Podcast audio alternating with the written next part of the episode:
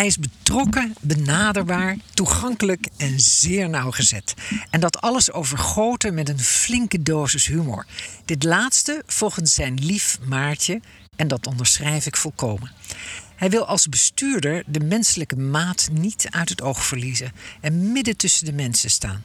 En daarom bezoekt hij dan ook alle uithoeken van onze mooie gemeente regelmatig. Hij houdt van reizen en vooral eilanden, lezen, lokale geschiedenis en hij blijkt een verzamelaar.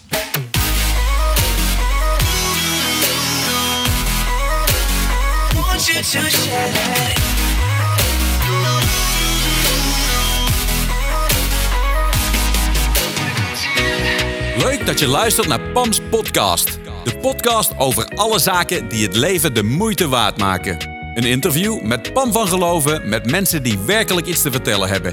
Elke maand een nieuwe gast en elke maand een verrassend onderwerp. We gaan beginnen.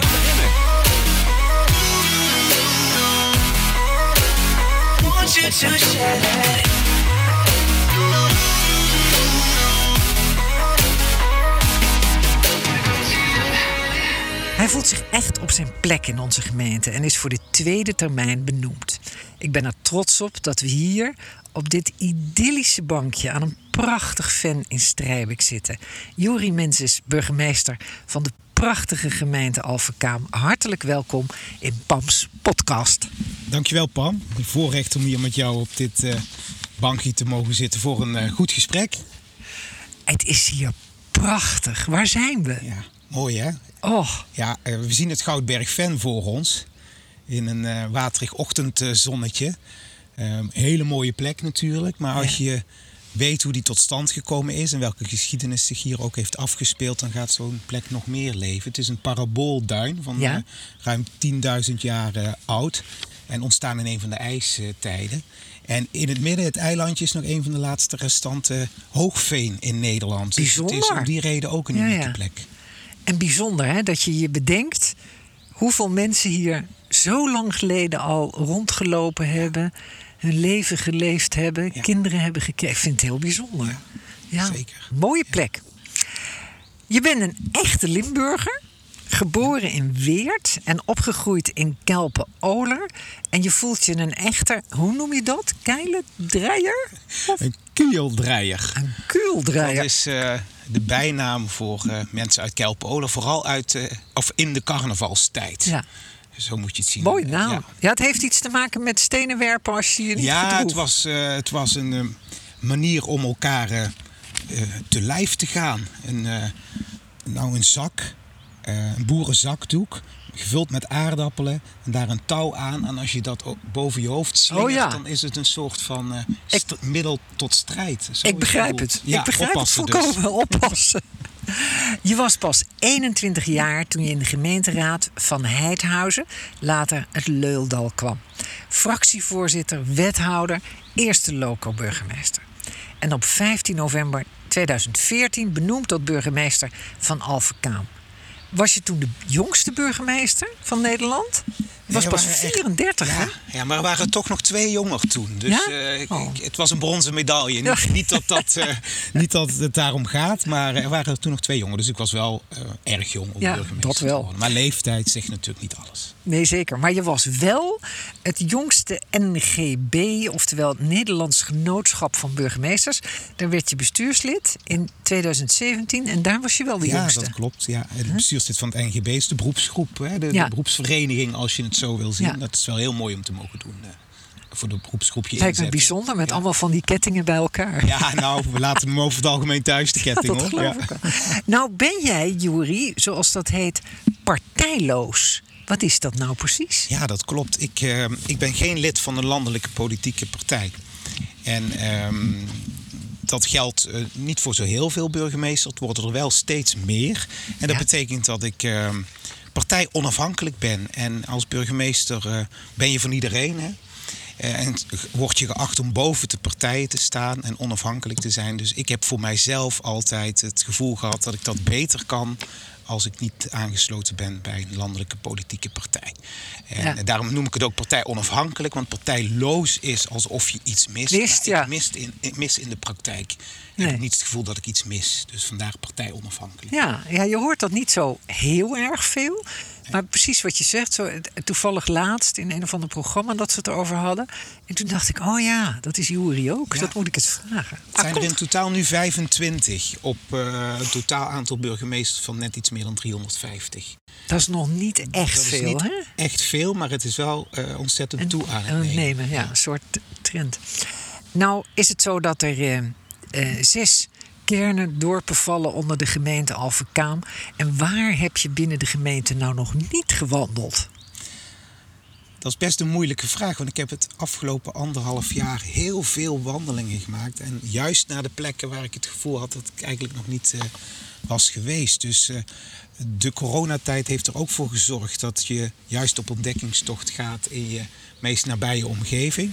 Dus Ja. ik ben bijvoorbeeld eh, in het uiterste puntje geweest van Alphen bij de Koekendongen achter de Hoevens en Ja. het Ooievaarsnest. Ja, bij Aalst. Bij Aal, Ja. bij Aarle in de buurt. Of Aarle. En Aarle, ja, daar kom je normaal niet zo snel. En dan ga ik er echt ook naartoe. En dan bekijk ik hoe de, mooi de omgeving daar ook weer is. Of het andere uiterste puntje op de Balleman bij Galder. Ja, oh, dat is ook, eh, ja, dat is ook heel bijzonder. Daar ben ik op ontdekkingstocht geweest. Ja. Leuk.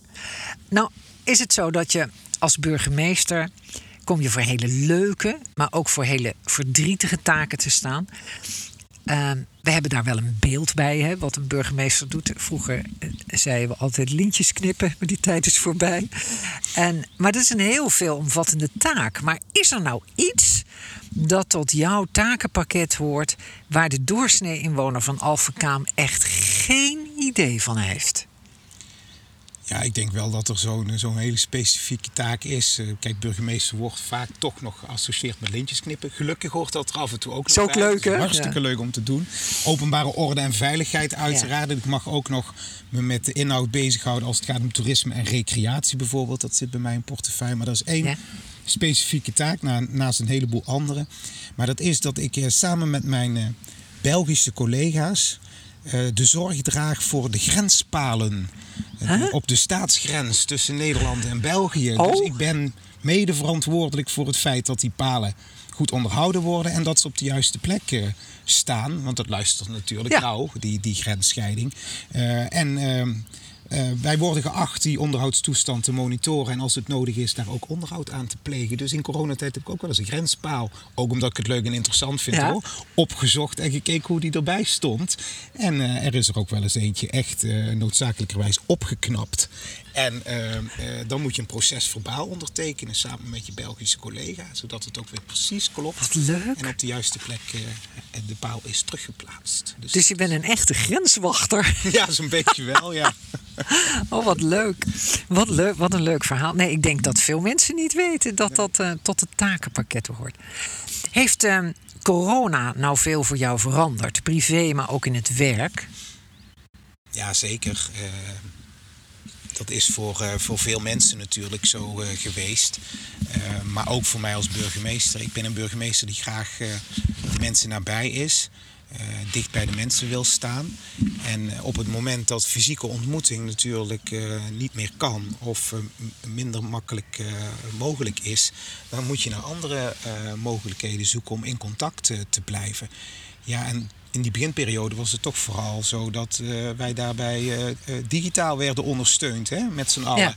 Maar dat is toch een andere manier van contact hebben. En je mist, vind ik dan wel, toch die dynamiek van een persoonlijke eh, fysieke ontmoeting. En daar heb ik erg aan moeten wennen, omdat je dan ook niet alle signalen ehm, meteen op dezelfde manier oppikt als er een schermpje tussen zit. Ja. Dus dat is wel de grootste impact, denk ik, voor velen, maar ook in mijn functie als burgemeester geweest. Ja, dat kan ik me wel voorstellen. Want dat hoor je ook van veel mensen. Dat ze zeggen, dat scherm, dat, dat maakt dat warme persoonlijke, haalt dat natuurlijk Ja. weg. Hè? Dat, dat is ook inderdaad wel En los daarvan natuurlijk de impact die corona ook op de gemeente Alphenkaam heeft eh, gehad. Hè? In al zijn eh, facetten. Met, eh, met ook heel persoonlijk leed. Ja, waardoor ja. mensen werden getroffen. Dat raakt je als burgemeester Ja. uiteraard ook. Ja, allicht. Er zijn heel veel mensen ziek geweest. Heel veel mensen ziek geweest zijn, ook, Ook, mensen overleden aan corona. En, en natuurlijk alle maatregelen daaromheen. En ehm, de consequenties die dat had voor het, voor het leven in Alphenkaam, het gemeenschapsleven, het verenigingsleven. Ja. dat gaat je als burgemeester natuurlijk ook aan het hart. Ja. ja, ik weet nog dat vorig jaar, ehm, toen we in die eh, lockdown zaten... en toen was het zo rond hemelvaart. En dat ken je wel. hè. Normaal gaat dan de harmonie, die, die, die loopt dan zo'n douwtrappend door zo'n dorp. En die muziek hoor je dan zo 's ochtends om half zes, zes uur. En wij hoorden ineens de harmonie aankomen. En wij zeiden, dat kan helemaal niet, want die mogen niet. En ehm, toen zijn we opgestaan en naar beneden gelopen. En toen kwamen er twee leden van de harmonie. één met een, een, een trommel en één met een trompet. En het grappige was dat... Dat was natuurlijk heel klein. En die liepen op afstand van elkaar door dat dorp heen te sjouwen.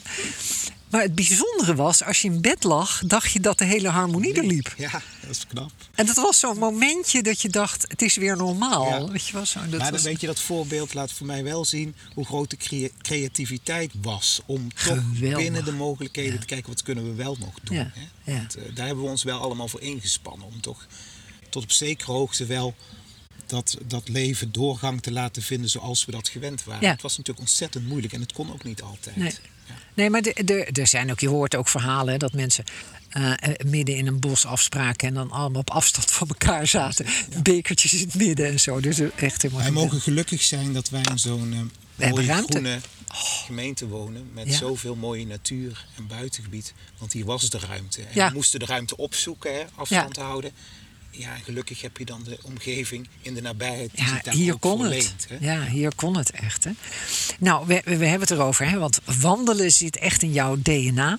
Je trekt eh, eigenlijk bij alles de wandelschoenen aan als het maar even kan. En je nodigde, dat vond ik zo leuk, tijdens corona ook eh, de mensen uit om met je te wandelen. Dat was toen je net herbenoemd was. Vertel daar eens iets over. Ja, dat, dat maakt ook onderdeel uit van die zoektocht naar van hoe zorg je er nou in deze bijzondere tijd voor dat je wel in contact blijft met de inwoners. En wat op dat moment kon in die fase was het, ja, de, één op één ontmoeting buiten op anderhalve meter Ja. afstand. En, en ik pakte eigenlijk terug naar mijn herbenoeming op eh, eh, de kennismakingswandelingen die ik heb gedaan toen ik benoemd werd. Ja. En ik dacht, het is wel mooi om eigenlijk dat een vervolg te geven, maar dan in coronatijd, dus de persoonlijke één op één wandeling. En ik heb die oproep geplaatst en ik heb één oproep geplaatst. En uiteindelijk heb ik eh, 40 wandelingen zo ongeveer eh, gemaakt met Jongen. inwoners uit Alphenkaam. Eh, en dat waren, dat waren hele mooie, indringende, eh, persoonlijke gesprekken. Want één op één heb je toch al Ja. sneller een, een, eh, een diepgaander gesprek dan in een groep. Ja. Eh, daar ben ik ontzettend dankbaar voor. Want dat heeft eh, ook voor mij heel veel betekend. Ik hoop voor die mensen ook, en die indruk heb ik ook wel, dat dat zo is.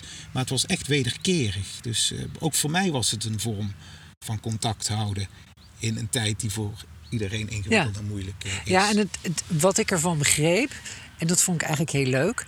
Niet iedereen kon lopen. Dus toen ben je maar op een, zoals dat heet, bankske gaan zitten. ja, ja, ja, zeker. En, ja. en daar een leuk gesprek hebben. Dus die ontmoetingen hebben op velelei wijze plaatsgevonden. Zeker. Overal. Ja. Maar ze waren, ze waren altijd van mens tot mens. Ja. En dat was het mooie ervan. Bijzonder. Ja, absoluut. En ik denk dat als er geen coronatijd was geweest, had je dat nooit gedaan. Nee, dan had ik misschien wel nagedacht over hoe kan ik mijn herbenoeming een accent geven Ja. aan de start van de nieuwe eh, periode van zes jaar. Maar de mogelijkheden waren, waren zo beperkt in, in, in, in, in eh, die tijd dat je eigenlijk als vanzelf ja, bij deze mogelijkheid uitkwam. Ja, hartstikke leuk. Heel leuk om te doen. Jori, ik heb je eigenlijk uitgenodigd, los van het feit dat ik het ongelooflijk gezellig vind om zo samen hier aan dat mooie vent te zitten, om eens te praten over trage wegen. 16 oktober is een dag die eigenlijk een beetje benoemd is als de dag van de trage wegen. Het zijn paden of wegen die hoofdzakelijk bestemd zijn voor niet gemotoriseerd verkeer, voor een wandelaar, een fietser, een ruiter. Vaak bestaan ze al eeuwenlang, hè, dat, ze, dat ze ongelooflijk lang zijn. Ze, ze behoren als het ware tot het eh, onroerende erfgoed van een gemeente. En ze verbinden van alles. Hè? Kapelletjes, velden, dorpskernen. Je kan overal naartoe wandelen als het ware. En dat wandelen over eh, trage wegen, daar hebben wij er ook een van, heb ik eh, uitgevonden. Over de oude Ulikotense banen, de, de oude bedevaartspad, zeg maar, naar Sint-Bernard. Sint-Bernardus, moet ik zeggen. Dat eh, is recent nog gelopen. 16 oktober dus de, de dag van de trage wegen. En hier, in, we zitten vlak op de grens. Hè? En in België zijn de trage wegen, dat is eigenlijk een, een soort, dat weet iedereen. Hè, dat, dat je van die, die padjes, noemen ze dat daar, ja. dat je daar overheen wandelt. En in Nederland is dat wel bekend. We hebben een prachtige route van, van eh Delfzijl naar Goorlen bijvoorbeeld. We hebben overal wel dat soort initiatieven. Wij zouden er ook veel meer moeten hebben. Want wij hebben een gemeente waar je Ja. ontzettend veel trage wegen hebt. Zeker, want eh, kijk, in principe zou iedere onverharde weg eh, een trage weg eh, kunnen zijn. En is dat in zekere zin ook. Ja. Hè? En onze zuiderburen in, in, België hebben dat goed aangepakt, vind ik. Die zetten het belang van die onverharde wegen en die zandwegen in ieder geval eh, één weekend in het jaar, en nadrukkelijk één dag in het jaar, nadrukkelijk in de belangstelling. Ja. Dan hebben ze er ook nog zo'n ontzettende mooie naam voor, de trage weg. Eigenlijk zegt dat al meteen waar het om gaat. Ja. Eh, dat je met meer aandacht ehm, geniet van je wandeling en van je omgeving. En waar kun je dat het beste doen dan op die onverharde, eh, wat minder bekende, maar wel heel erg mooie zandwegen, weggetjes, paadjes, noem maar op. En het bijzondere eraan vind ik van die trage wegen is als je daarover aan het kuieren bent, dat vind ik een van de mooiste Nederlandse woorden, hè, dat je zo heerlijk in je eigen gedachten eroverheen wandelt. Daar ligt heel veel geschiedenis aan ten grondslag. Ja, vaak hebben die, die, die wegen ook inderdaad een hele rijke historie. Eh, en die wegen hebben we in Alphenkaam eh, ook. Want jij noemt net een voorbeeld van een bedevaartspad. Ja. Maar er zijn natuurlijk ook wegen eh, die vroeger als, als hoofdroute werden gebruikt en als handelsroute hè, tussen Ja. grote steden. Maastrichtse baan is zo'n voorbeeld. Eh, dat zijn plekken waar, waar soms zelfs de geschiedenis al teruggaat tot in de Romeinse tijd. We weten ook dat de dorpskern Alphen bijvoorbeeld al heel lang be- bewoond wordt. Ja. Hè? Dus alles bij elkaar maakt dat dat die, die trage weg niet alleen is om van te genieten, maar dat daar ook nog een hele eh, eh, dieperliggende laag onder zit, namelijk eh, van de historie die zo'n Ja. weg met zich meedraagt. Ja, ik vond het zelf ook zo bijzonder om te lezen dat bijvoorbeeld de weg tussen Alphen en Kaam, dat die pas in 69 Ja. bestraat is. Ja. Toen heb ik echt wel een kwartiertje naar die bladzij zitten kijken. en ik dacht van, in 69 fietste ik, weet je wel, naar school en bla bla bla. Dat is natuurlijk een beetje, maar zo kort geleden. Ja, ja en, en, en dat komt ook omdat die oriëntatie tussen die twee kernen, die liep niet van Alphen naar Kaam. Nee. De wegenstructuren die lopen meer van, van noord naar zuid of van, van zuid naar noord, maar dan eh, Breda, Tilburg richting Ja. Ja. Maar die verbinding tussen die, Die was er twee, niet. die is pas heel laat tot stand Ja, gekomen. dat is heel grappig dat je, als, je, als je dat zo hoort en leest. En die trage wegen, ehm, dat bedacht ik me ook, dat die ruilverkaveling destijds, die heeft natuurlijk heel wat trage wegen laten sneuvelen. Kijk, ik ken de situatie natuurlijk niet eh, zoals die oorspronkelijk was in Alphenkaam. Ik kan me voorstellen dat er inderdaad nog wat meer Ja. wegen en paden waren. Maar wat ik nu wel zie is dat er nog heel veel behouden is gebleven. En er zijn andere delen in het land, eh, ook Midden-Limburg waar ik vandaan kom... waar die ruilverkaveling eh, nog tot grootschaligere ontwikkelingen Ja? heeft geleid dan hier. Dus ik zie hier in de omgeving wel nog die kleinschaligheid van het landschap. En die moeten we leuk. echt behouden Ja. en koesteren. Want hier staat nog een vliegden in een, in een weiland. Ja. Hè? En dan kun je zeggen, nou staat die vliegden nou in de weg. Eh, ja, vanuit een bepaalde optiek misschien wel.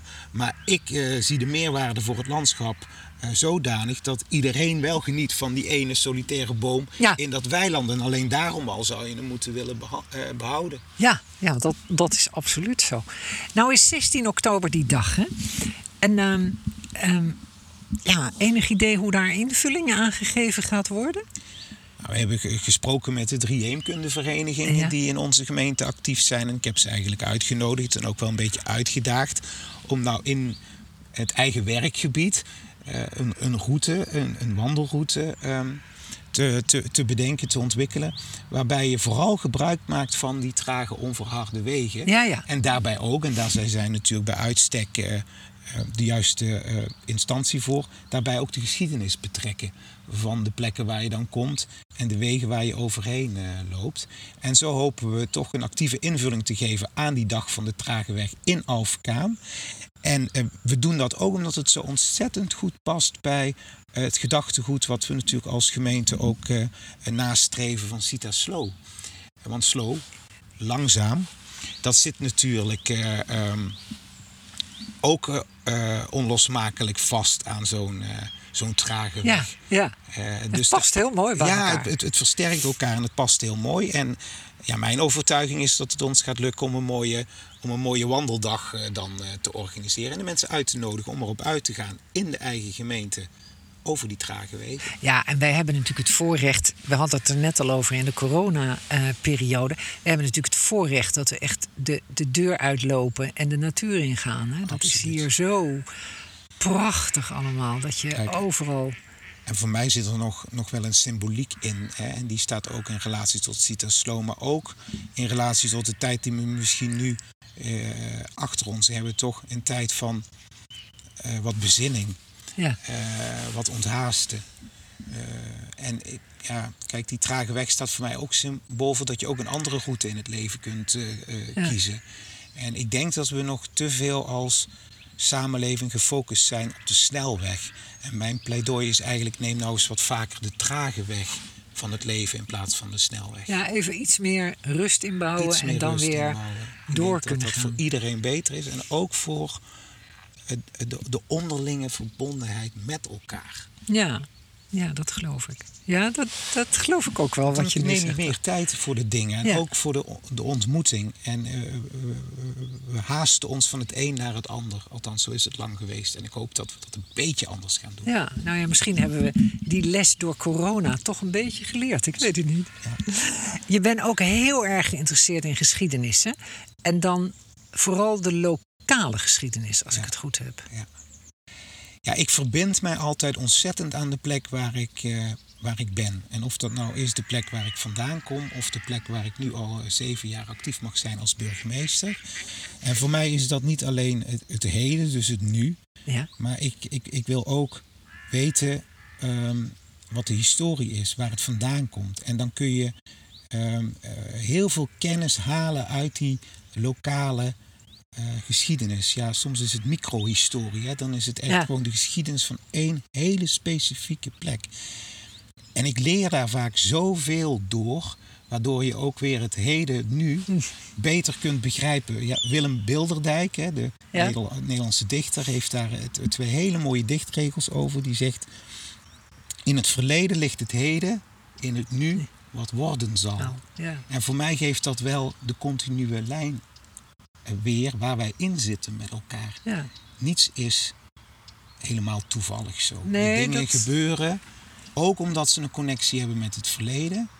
Eh, en daarmee geven we weer vorm aan de toekomst. En ik vind wat heemkundeverenigingen doen zo ontzettend belangrijk, omdat zij eigenlijk dat lokale collectieve geheugen vastleggen, bewaren, Ja. koesteren en uitdragen en bekendmaken bij een breder publiek. Ja. En dat vind ik ontzettend belangrijk. Ja, we, ehm, we hadden het er net heel even over. Er is net een, ehm, een stuk gepubliceerd van Willem Even. Dat was een, een bosbouwkundige, natuurkundige en zo. En die zei 50 jaar geleden al: pas op, hou je trage wegen in de gaten, hou je geschiedenis in de gaten. Zorg dat je dat bewaart. Vind ik eigenlijk zo mooi dat dat. En dat past in wat jij net zegt. Het komt weer terug. En het, het krijgt een andere plek natuurlijk, een eigen plek. Maar het is wel ehm, iets waar mensen al, al heel lang op wijzen. Hè? Van behoud datgene wat je bij je hebt. En, eh, en behoed je geschiedenis. Zorg ervoor dat je weet waar je woont eigenlijk. Ja. En, en, en daar spelen heemkundigen natuurlijk een hele Ja. belangrijke rol eh, in. En gelukkig hebben we hele actieve heemkundeverenigingen ook in eh Alfkaam. En ik, ik krijg eh, ook nog eh, de, de, de, de, de boekjes van de heemkundeclubs uit Limburg. Maar ik krijg ze ook van hier. Dus zo één keer in de zoveel tijd vallen er heel wat van die eh heemkundeboekjes in de brievenbus. En dan zoek ik wel een beetje uit wat ik natuurlijk wil lezen en, en heel interessant vind. Maar ik leer er altijd ontzettend Is veel leuk, hè? Ja, het is ontzettend leuk en interessant.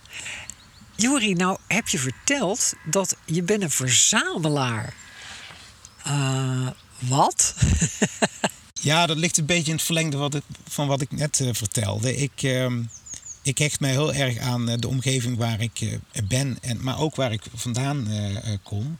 En dat betekent ook dat ik, dat ik graag vastleg van wat, ik, wat daar is gebeurd, wat daar heeft plaatsgevonden. Dus dat gaat echt van het verzamelen van knipsels tot het ehm, eh, verzamelen van boeken of eh, uitgaves, tijdschriften. Dus eigenlijk is het een soort archief van de plekken waar ik eh, gewoond heb, waar ik geleefd heb, waar ik actief ben geweest. Ja. En dat gaat dan terug in de historie, maar dat is ook gewoon het vastleggen van, van het hier en nu. Leuk. En eh, eigenlijk is het een soort verzamelen van herinneringen, voor zover dat dat kan in de vorm van, zoals ik het net eh, Ja, zei. wat leuk. En, en Maartje vindt dat niet altijd erg? Er staat nog heel wat in dozen bij ons. Eh, want dat is natuurlijk eh, altijd het probleem van de verzamelaar. Dat je het ook moet ordenen en een beetje rubriceren zodat het toegankelijk blijft. En daar kom ik in mijn drukke bestaan ook niet altijd aan toe. Dus dat is iets voor later. Het is misschien een beetje flauw dat ik het zo zei, maar het is, eh, ik kan me dat zo voorstellen. Dat je eh, dat, dat eh, nou ja, een plek en een plaats moet geven. ik het zo maar zeggen. Ja, ja. Nou vond ik het leuk, want je houdt van reizen. Je houdt van wandelen, van, van heel dichtbij, maar je houdt ook van reizen. En dan hou je specifiek van eilanden. ja. Wat leuk. Als kind was er één programma waar ik voor op mocht blijven. Omdat ik dat zo'n ontzettend interessant en mooi programma vond. En hij wordt niet meer zo vaak genoemd. En hij is misschien een beetje vergeten. Maar ik noem hem hier wel heel nadrukkelijk. Ik keek altijd heel graag naar de wereld van Boudewijn Buug. Oh ja, ja. En die kwam op plekken in de Ja. wereld waar ik nog nooit van had gehoord. En hij had ook een fascinatie voor eilanden. En daar is ergens ook een knopje omgegaan dat ik die fascinatie voor eilanden Leuk. ook heb. En nou kom ik niet op die plekken waar hij kwam. Ik zou sommige plekken wel heel graag nog ooit naartoe willen. Maar bijvoorbeeld de Waddeneilanden heb ik de ambitie om ze ooit allemaal bezocht te hebben. En de Nederlandse die heb ik allemaal bezocht en de Duitse voor een belangrijk deel. En de Deense ook, maar er zijn er nog een paar. Ja. Maar het wordt natuurlijk steeds moeilijker om ook die laatste te bezoeken. Leuk. Eilanden, ze zijn begrensd, hè? dus het is altijd eindig ergens. Maar ik ben vooral ook geïnteresseerd in de gemeenschappen die zich daar staande weten te houden. Op zo'n klein stukje van ons aardoppervlak. Dat vind ik echt een Ja, dat is heel boeiend. fascinerend, Ja. fascinerend Dat is heel, heel, heel boeiend. Eilanders zijn anders. Zijn, ja, dat is mooi dat is, gezegd. Ja. echt, dat is echt zo. Oh god, wat leuk dat dat daar vandaan komt, van Boudewijn Buug. Ja, dat waren prachtige programma's. Hè? Dat weet ik ook nog wel, dat hij zo... Eh, we gaan heel even terug naar die, eh, naar die trage wegen. Want ehm, natuurlijk, de heemkundekringen, zoals je net vertelde... Hè? de drie die zijn er eh, waarschijnlijk zeer druk mee, as we speak... Ehm, maar je zou zelf ook een aantal wandelingen uit kunnen zetten, Zeker. langzamerhand, ja, denk ik. Nee, ik denk dat ik er wel toe in staat zou zijn. Of ik dan altijd die historische connotatie ook paraat heb, dat is iets anders. Maar ik heb inmiddels toch behoorlijk wat wandelingen gemaakt. Ik ben op dit moment toe aan de afronding van het Oranje Nassau-pad. Oh, dat is ook bijzonder. En dat is vorig jaar is dat pad eh, gepresenteerd. Dat zijn zeven etappes. En eh, allemaal door de baronie, maar ook door een, een, deel van eh, het, het Tilburgse Ja. ehm, eh, bu- buitengebied. Ja? En ik kom op zo'n verrassende plekken. En door zo'n route te lopen, ja, zegt een ander eigenlijk: dit is een hele mooie wandeling. Loop hem ook. En je valt van de ene verrassing in de ander. Ja, Eh, en op die manier eh, leer je je omgeving buiten Alphenkaam ook ontzettend goed eh, kennen. ja het is, we kunnen dat een klein beetje volgen. hè. Op je Facebookpagina ehm, zet je vaak hele, ehm, ja, zeg maar, verrassende foto's van plekjes waarvan heel veel mensen, daar ben ik echt van overtuigd, zullen denken: hè, staat dat daar? Of, of, of hoe zit dat? Of eh, wie, eh, ja, dat heb ik eigenlijk nog niet ontdekt. Of daar eh, ben ik eigenlijk nog niet helemaal bij geweest. Dus dat vind ik wel grappig dat je, dat je dat dan zo deelt met ons. Ja, het is ook een soort ontdekkingstocht. Ik zie nieuwe dingen. Soms is het ook het perspectief waarmee je er naar kijkt. Hè? Ja. Eh, eh, eh, waardoor het eh, eh, opvalt dat het er is. Eh, in het grote geheel zou je het niet opmerken, maar door er een foto van, Van te, te maken, zie je ineens meer. Hè? Ja. Eh, en het is voor mij ook wel een manier om te laten zien hoe mooi onze natuurlijke omgeving en ook wel onze bebouwde omgeving in dit deel van Brabant eh, is. En Toerisme de Baronie heeft dat heel goed aangepakt. En het was ook een soort uitnodiging eh, naar mezelf toe. Dat ik dacht van ik ga gewoon binnen het jaar die zeven etappes eh, lopen. Eh, en eh, dat gaat lukken, want die zevende die moet nu op hele korte termijn, Ja. want anders is het jaar om. Maar daar ga ik echt ontzettend mijn best voor doen, zodat ik het gevoel heb dat ik dat streven ook gehaald heb. Ja. Ja, maar het, is ook, het, het zijn ook bijzondere routes. Dus het is ook heel leuk om dat te doen. Ik bedoel, Absoluut. eh, het is als je van wandelen houdt en, en van geschiedenis, zijn dat echt wegen die zeer de moeite waard zijn om te nemen. En weet je wat, wat het ook brengt? Dat is een bepaalde mate van, van rust. Hè? Ehm, eh, wandelen is ook goed om je gedachten te ordenen. Eh, er komen ook ideeën in je op. Ja. Eh, de mensen weten ongetwijfeld dat ik op gezette tijden persoonlijke boodschappen in het weekblad heb geschreven. Nou, als ik zo'n Ja. wandeling had gemaakt, dan was het, het stuk ook klaar, Klaar, in mijn ja. hoofd. Hè? En ehm, je hebt een bepaalde ehm cadans met lopen. Ik heb daar een mooi boek over gelezen. Dat heet Met lichte tred van Ton Lemaire. Dat is een antropoloog, maar die heeft ook geschreven over eh, nou, de waarde van wandelen. Hè? En die zegt van ja, eigenlijk is wandelen de oudste manier van voortbewegen Ja. voor de mens. En daarom is het ook zo goed voor je. Want in den beginnen hadden we niets anders dan die twee voeten en die twee benen. En moesten we op die manier vooruitkomen in het leven. En op die manier ehm, is wandelen denk ik wel de vorm van eh, voortbewegen, vooruitkomen die ons het meest nabij is en het dichtst bij ons staat. En misschien daarom ook zo'n positief effect op de mens kan hebben. Ja, het is een heerlijke manier van je voortbewegen. Het is helemaal in je eigen ritme. In je En eigen dat- ritme. En ieder zijn eigen Ja. ritme ook. Hè? Ja, ja, dat is absoluut zo. Ik heb een paar eh, leuke dilemma's voor je. Ik ben benieuwd. Eh, burgemeester van Alphenkaan of gouverneur van Limburg? Ja, dat was een vacature hè? Ja. voor gouverneur. Ja, maar ik heb ja. niet geschreven, de termijn is eh, verstreken. Nee, ja, ik ben eh, een geboren Limburger. Dus gouverneur van Limburg is wel een beetje het hoogste wat je bestuurlijk in Limburg voor elkaar kunt krijgen.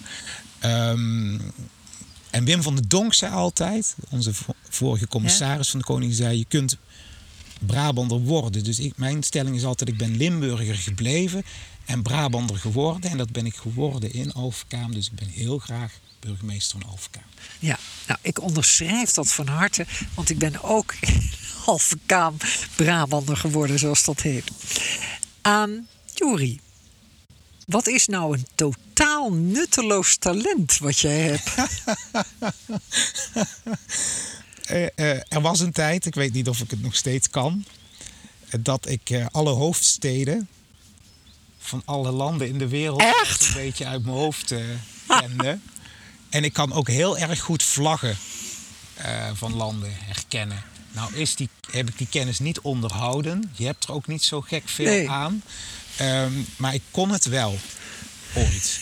En dat was de uitdaging op de middelbare school dat iemand dan een land weer had bedacht. En dan vroeg aan mij: wat is daar de hoofdstad van? Ja, ja. Schudde, schudde ik hem zo uit mijn mouw. Echt? Maar ik denk niet dat me dat nog, eh, dat nog lukt op die manier. Dat was een tameloos, tamelijk nutteloos. eh, eh, Ja, maar, het is echt nutteloos, Ja, maar wel je hebt er heel, niet zo gek veel aan, Nee, je nee. hebt echt heel. En ehm, ja, wat ik ook heel graag wil weten is, waar maakt jouw hart nou een sprongetje van?